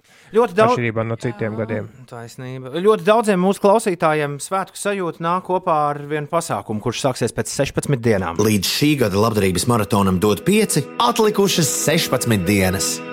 Sako līdzi, dod 5 LV. Labrīt, raksta kāds mūsu klausītājs. Vakar radās jautājums, uz kuru nedzirdēju atbildi. Pastāstiet, lūdzu, par dod 5 maratonu. Jūs dzīvojat nedēļas stikla studijā, kur guļat un ēdat. Labrīt, dzirdēju, dzirdētu. Ah, es nevaru, es nevaru salasīt līdz galam, bet pilns ar ķeburiem. Labprāt, labprāt, nevis labrīt, labr, labprāt dzirdētu, kā tas notiek, jo līdz šim šo informāciju esmu palaidis garām. Paldies! Un jauku visiem braucienu mājup. Ļoti daudziem cilvēkiem ir jāatgriežas uz Ziemassvētkiem. Jā, tas, tas nu tiesa. Jā, labdarības maratona dod pieci. Galvenais noteikums tā izpildītājiem, trīs dīdžiem ir dzīve. Neizejot ārā no stikla studijas. Tā tas ir bijis jau sešus gadus, un būs arī septīto. Ties, protams, šajā laikā ir pavisam, mm, pavisam interesants laiks. Un, ja līdz šim mēs vienmēr sūdzējāmies, ka rūmas visai maz, tad uh, šogad šī rūma būs vēl mazāka, jo stikla studija būs sadalīta divās dažādās daļās. Vienā būs viesi, un otrā studijas daļā dzīvosim mēs, un mēs nekad ar viesiem uh, nesatiksimies. Jā, uz veselām sešām dienaktīm mēs pārvāksimies uz dzīvi tur. Katru brīļu brīdi, kad uh, diskžokejs ir nomodā, tad viņš ir principā arī ēterā. Tā, nu, tas labdarības maratonā dot pieci ir iekārtots. Šogad pirmo reizi stikla studijā būs ēšana ulu. Vai tu, vai tu šo esi dzirdējis? vai es tev šo esmu stāstījis? Mums ir, leģe, mums, ir, mums ir slavena tradīcija, ko sauc pirms mēs uh, nododamies uh, dot pieci diētai un uh, kopā ar daudziem ārzemju kolēģiem, kuri nodarbojas ar līdzīgiem projektiem. Šī ir tradīcija, dot pieci un vispār šādu labdarības maratonu laikā neēst ierasto pārtiku, bet pārtikt no augļu smūtijiem. Uh, jā, pirms tas viss sākas, Un pirms mēs pārslēdzamies īpašajā dod pieci diētā, vienmēr ir fakts, pasākums, kuru sauc pēdējās vakariņas. Tad, kad mēs sākām dot pieci pirmajos gados, pēdējās vakariņas notika vienmēr forši, nu, tā kā normālā vakariņu laikā, jo maratons parasti sākās ap 8, 7, 9 vakarā, un tad bija nu, tas viss diezgan loģiski. Šogad jau otro gadu būs visai interesanti, jo jo maratona sākums ir pulksten 12. dienā, bet um, mums abiem ar Magnusu ir tradīcija ne ar tukšu kuģi sākt uh, labdarības maratonu dot 5. Un tā kā šogad mēs nekur nedrīkstam īsti kustēties un stikla studijā satiksimies tikai, uh, tikai 17. decembra rītā, tad nekas cits neatliks kā pirms maratona sākuma tomēr ieturēt pēdējās vakariņas turpat uz vietas. Un tās visticamāk kādam kurjeram būs jāatgādā un, un mums jāatnes. Par šo vēl interesantāks. Nu, vienīgi tas notiks nu, redzamā vietā aiz tā stikla. es, to, es, es domāju, ka tas notiks. Taisīsiet veselu pasākumu. Es, dom, es domāju, ka tas notiks pie, pie tehniķiem. Nu, kādu bildīti mēs vienmēr ieliekam? Var apskatīties, man ir pagājušā gada dod piecas storiju apkopojums. Instagramā Ines, tur mēs nu, kārtīgus gaļas kalnus pieveicām ar Magnus. Burtiski 20 minūtes ilgi cepās. Burtiski 20 minūtes pirms dod piecas sākās. Jā, man šķiet interes, daudz interesantāks fakts, ka jūs. Nē, šis ir interesants fakts, bet vēl tikpat interesants fakts ir tas, ka jūs paši sev gatavosiet ēst. Arī maratona laikā. Jā, Inga raksta, bāc, gribēju ar jums solidarizēties, dod pieci diētā. Pagaidi, Inga, viss kārtībā. Neuztraucies, dod pieci diēta būs. Tu varēsi ar mums solidarizēties. Un kā Ulas saka, jā, šogad dēļ tā, ka mums nebūs uh, aizkulisēs speciālie aizkulisku palīgi, mēs mēs paši ar blenderu ņemsimies un, un darīsim, un visu tur, ko vajadzēs, pagatavosim. Bet pirms tam, pāris minūtes pirms pusdienas 12. neviens nav aizliedzis kārtīgi paēst, un tas būs jāizdara. Par to ir arī mans stāsts. Labdarības maratons dot pieci tiešām sāks tūdaļ pat. Jau pēc divām dienām mēs sāksim pieņemt jūsu izvēlētās dziesmas par ziedojumiem. Dziesmas sāksim spēlēt 17. decembrī no pulksten 12. Katra trešā sieviete Latvijā ir cietusi no vardarbības, un šogad maratona laikā saziedotie līdzekļi tiks novirzīti ziedot LV ātrās reaģēšanas, jeb krīzes fondam, sniedot, sniedzot finansiālu atbalstu galvenokārt sievietēm un bērniem, kas grib izrauties no aburtā loka, aiziet no vardarbīgām attiecībām, bet nespēja to izdarīt atbalsta trūkumu dēļ. 5 eiro nozīmēs stundu drošībā cilvēkam, kurš bēg no vardarbības ģimenē. Labdarības maratons dod pieci, tūdaļ pat. Klau, un uh, man ir viena forša uh, atmiņa no pagājušā gada maratona, no citu pagājušā maratona pirmajām stundām šobrīd sagatavot, ko es vēlos jums atskaņot. Grupas prāta vētru uzstāšanās pirms gada dod pieci labdarības maratonā. Tur, not, Jā. tur notika viens ļoti foršs mirklis. Renārs pārdomāja, kādu dziesmu dziedāt, un izdomāja, ka jādzied cita dziesma. Kā tas notika? Tas notika šādi.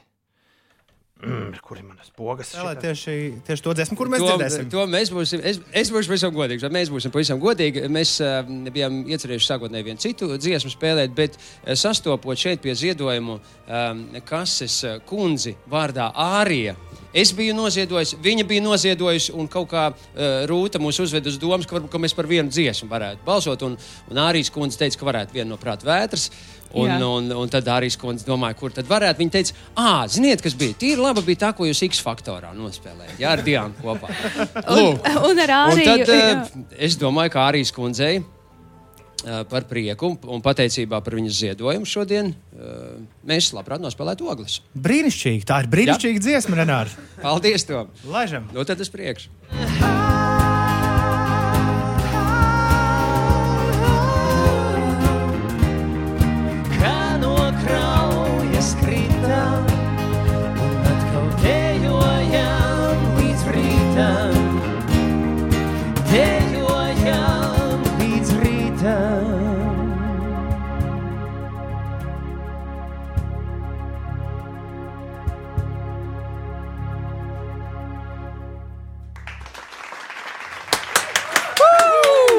Prāta vētra un ogles. Uh, dod pieci stikli studijā. Paldies jums, draugi. Uh, arī cilvēki Doma laukumā ir ļoti priecīgi. Jā, un episki laba dziesma arī ar īsiņas palīdzību raksta, raksta Ingūns. Jē, Ingūna, patiešām tev bija taisnība. Tev īsiņa tika nolasīta uzreiz pēc šī. Ierakstīta pagājušajā gadā Latvijas maratonā dod pieci mūsu draugi prāta vētra. Un, uh, Tā bija dziesma. Ogles diplomāts raksta, forši būtu, ja dod 5 visu laiku, būtu 5 rīt. Nu, tā kā 24 stundas diennaktī. Ieslēdz un visu laiku ēd brokastis, plus toma tests biežāk būtu. Uh, varbūt kādreiz, varbūt kādreiz. Uh, varbūt kādreiz. 8,47. Mēs joprojām ticam, ka šogad stikla studija apciemos mūziķi un varēs arī uz vietas pie mums uzspēlēt. Pēc šāda scenārija mēs joprojām virzāmies uz priekšu. Vēl pāris dienas, 16 dienas ir atlikušas. 8,47 zinās, kas notiek. Mežu izciršana Brazīlijas Amazonē sasniegusi augstāko līmeni 12 gadu laikā, tā paziņoja Brazīlijas Nacionālais kosmosa izpētes institūts, kas ir atbildīgs par mežu izciršanas monitoringu. Laikā no 2019. gada augusta līdz 2020. gada jūlijam izcirsti 11 000 88 km2 džungļu, kas ir lielākā platība kopš 2008. gada.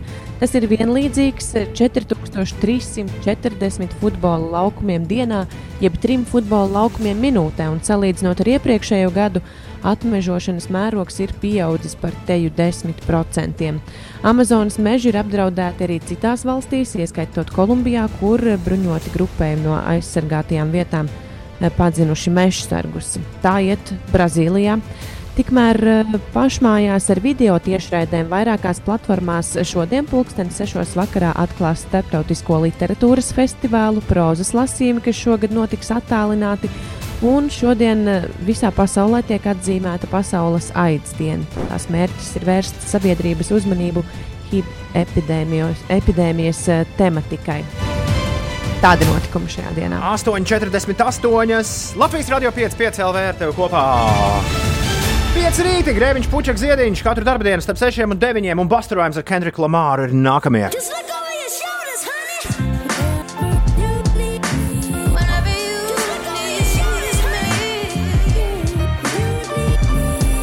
Buster Rhymes, Kendriks Lamārs, Look over your shoulder, 8,52. Labrīt, decembris ir sācies. Otradiena, 1. decembris šeit, Latvijas Rādio 5,5 LV. Labrīt! Tumim šķiet, ka pirms interesantajām ziņām ir īstais brīdis vienam SMS, nu, kas esmu es, lai viņam nepiekristu.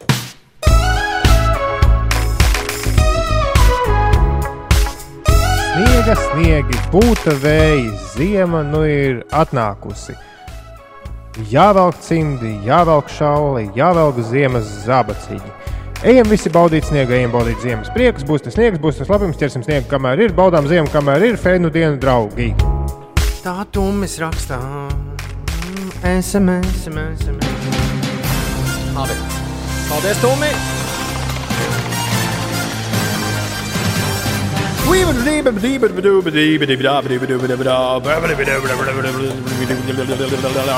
Campbell!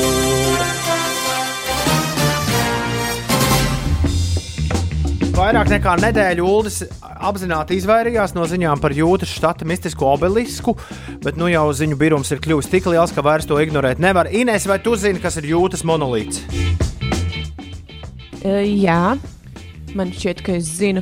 Tas ir tas uh, metāla ja, uh, staps, kurš uzrādās un pēkšņi arī 18. pazuda. novembrī par godu Latvijas uh, dzimšanas dienai, tūkstošu vidū starp klintīm kāda ekspedīcija uzgāja. Uh, Dzelzs monolītu, kas no helikoptera skaitīja tūkstnesī aitas, ticējot, ticē, citējot Stevenu Kolbēru, kā viņi neaizmiega. Uh, vēlāk pētot, Ekspedīcija skaitīja aitas. nu jā, Jā, nu ar, ar to helikopteru pieskatīt tās aitiņas, man liekas, un, un tad nejauši uzdūrās uz to. Vēlāk, pē, monolītu. vēlāk pētot Google Maps satelīta attēlus, atklājās, ka monolīts tūkstnesī stāvējis jau vairākus gadus. Un viss šis stāsts pamatīgi satrauca interneta lietotājus, īpaši Arthūru Klārka un Kubrika 2001. gada kosmiskās Odisejas fanus. Tur šādiem monolītiem, kas ieradušies no kosmosa, ir īpaša loma, par ko vairāk nestāstīsim, jo Ulu šo leģendāro filmu vēl neizskaidrojamajā kārtā nav noskatījies. Un pēc šīs lieliskās reklāmas kampaņas ap, apņēmies to noskatīties šajā decembrī. Arī šī filma, ap citu, ir Netflixī. Bet, vai jūs gribat teikt, tā bija reklāmas kampaņa? Pēc tam Vecai- vecai 50 filmai? gadus vecai filmai. Pēc tam, kad internets kādu laiku bija izņēmies par jūtas monolītu un vietējās varas iestādes bija nokaitinājuši turisti, kas mēģināja tūkstnesī atrast dīvainu atradumu un izbraukājas miltis, kā arī atstāja dažādus grūžus, epopējai ir pienācis gals, jo monolīts ir pazudis. Kā vēsts sociālajos tīklos publicētie attēli, ko bildējuši vairāk ļaudis, kas pārvarējuši sarežģīto ceļu cauri tūkstnesim, kā raksta kāds Instagramā 4 stundas ar auto un tad 15 km kājām pa tūkstnesi, pārvarot 700 metru vertikālu kāpumu. Monolīts ir projām, palikusi viena akmeņu kaudzīte un metāla jumtiņš prizma, kas esot vissvarīgākā detaļa, jo tajā ir atslēga uz monolīta mistisko enerģiju. Kāds cits raksta, ka Vai monolīts kāds aizmirsa savākt pilnīgi visas detaļas? Kāds cits raksta, ka monolīta vietā atstāts rupišs uzraksts Bāj, witches. Taču mēs nevaram apstiprināt, vai tam ir mistiska izcelsme. Tikpat labi to varbūt ieskrāpējuši smiltīs citi turismi. Turisti. Iespējams, kādam no varas iestādēm, kādai no varas iestādēm ir apnikusi turistu interese un obelisks, kur atrašanās tūkstnesī ne ar vienu nav saskaņot, lai no kuras planētas tas būtu nācis. Vienkārši ir aizvākts. Oficiāli vietējā pašvaldība gan noliedz, ka būtu monolītu aizvākusi, sakot, ka neko par to nezina. Bet stāstam ir turpinājums. Izskatās, ka atrasts vēl viens monolīts Ines. Šoreiz Rumānijā. Tas ir pārvests. Netālu no Pjatra pilsētas. Un Pagaidām gan vēl avoti, kas par to ziņo, nav paši uzticamākie, The Mirror un tam līdzīgi portāli, taču bildēs redzamais staps izskatās īsts. Tieši tāds pats kā tas otrs. šis otrā. Tas izskatās mazliet Šis vairāk. ir labenieks. Šis ir tas, kas cilvēkiem bija nepieciešams tieši šajā brīdī. Jā, šim ir kaut kā vairāk redzamas metinājuma pēdas. Vismaz cik bildēs varēja redzēt. Izskatās, nu, tāds cilvēks Mēs taisīts. arī ātri nevaram Bet... uzcirst pie vārds iežu vienu blakām. Jā, ir vēl, vēl viena traka ziņa. Bavārijā, kamēr visās malās parādās obeliski, Bavārijā ir pazudis milzīgs koka fals. Kur tas bija? Nē, Kur tā Nu, priekšnūja bija? Un kur viņš stāvēja? Viņš stāvēja tā kādā parciņā, ja? Izlikts Nē, apskatīt. kaut kur Bavārijas mežos bija kaut kāds tāds Ā. monuments. Ā. Sešas pēdas, tātad gandrīz divus wow. metrus augsts koka eh, diņķis. ir savāds. Mincis. Savu ikgadējo It's a Wrap apkopojumu publicēja straumēšanas servis Spotify, un mēs esam izvilkuši no tā interesantākos faktus, kā arī spēlētāko mūziķu topus. Pirmajā vietā ir uh, pie vīriem ir vīrs, kuru es nekad neesmu dzirdējis - Bad Bunny. Otrajā vietā ir Drakes, trešais ir Jay Balvins, Juice World, ceturtais The Weekend, piektais. Nu, nav baigi interesanti. Uh, Protams, ka kārtīgi visām dāmām ir ielikusi Billy Eilish. Viņa ir pirmajā vietā, otrā Taylor Swift, Ariana Grande, trešā Dua Lipa, ceturtā un piektā Helsija. Šis ir interesants, jo Swiftai jau nebija tā teikt aktīvais gads. Nu, kā nē, bija gan. Ko nu samuldējos, tā folklora albums iznāca pareizi. Albums atļaušos izlaist. Vis, vis Bet arī tur spēlētākā- Bad Bunny ir pirmajā vietā. Jā, Visspēlētākā dziesma Ines ā, pasaulē šogad ir Blinding Lights, The Weekend, un, un Dance Monkey ir otrajā vietā, Tones and Die. par laimi The Weekend ir pirmajā vietā. Spotify ir apkopojis. Jā, saka, Nē, es atzīšos, ka man arī pašai patīk The Weekend dziesma. Labu, labā, šaubu nav. Uh, Spotify apkopojas arī dažas interesantas tendences, kas raksturīgas tieši šim īpašajam gadam. Par 1400% pieaugusi interese par strādā no mājām playlistēm, acīm redzot, darbam mājās ir ļoti svarīgs attiecīgs muzikālais pavadījums. Tāpat milzīgi pieaugumu piedzīvojušas playlists, kas saistītas ar dārza darbiem un dažādu augu kopšanu, plus 430%. Un visbeidzot, fakts, ka mū, kas mūs īpaši uzrunāja, jo sakrīt pulksteņa laiki, 2020. gadā rekordskaits 18 līdz 24 gadus jauniešu pirmo reizi pamēģināja klausīties podkāstus, un populārākais podkāstu klausīšanās laiks bija no 6 līdz 9 rītā. Labi, ka mums arī ir podkāsts, vai ne? Wow! Un arī no 6 līdz 9 Un arī rītā. no 6 līdz 9 mēs esam gaisā radioviļņos. Tieši tā. Tas pagaidām arī viss. Bet ar lielu uzsvaru uz pagaidām. Jo rīt mēs būsim atpakaļ. Jāsaka, aizvien tuvāk tuvoties dienai, kad es spēlēšu pēdējo, pēdējo raidījumu no studijas, jo nākamnedēļ es pārvācos uz uh, šķūni ņemšu Ines un Ulu attālināt līdzi lai spētu izvairīties no visiem radiokolēģiem un būtu ļoti veselīgs, tad, kad sāksies dot pieci. Pagaidām ar Cvolfs gatavojas no mājām iet gaisā, bet mēs sakām visu labu! Atā! Atā!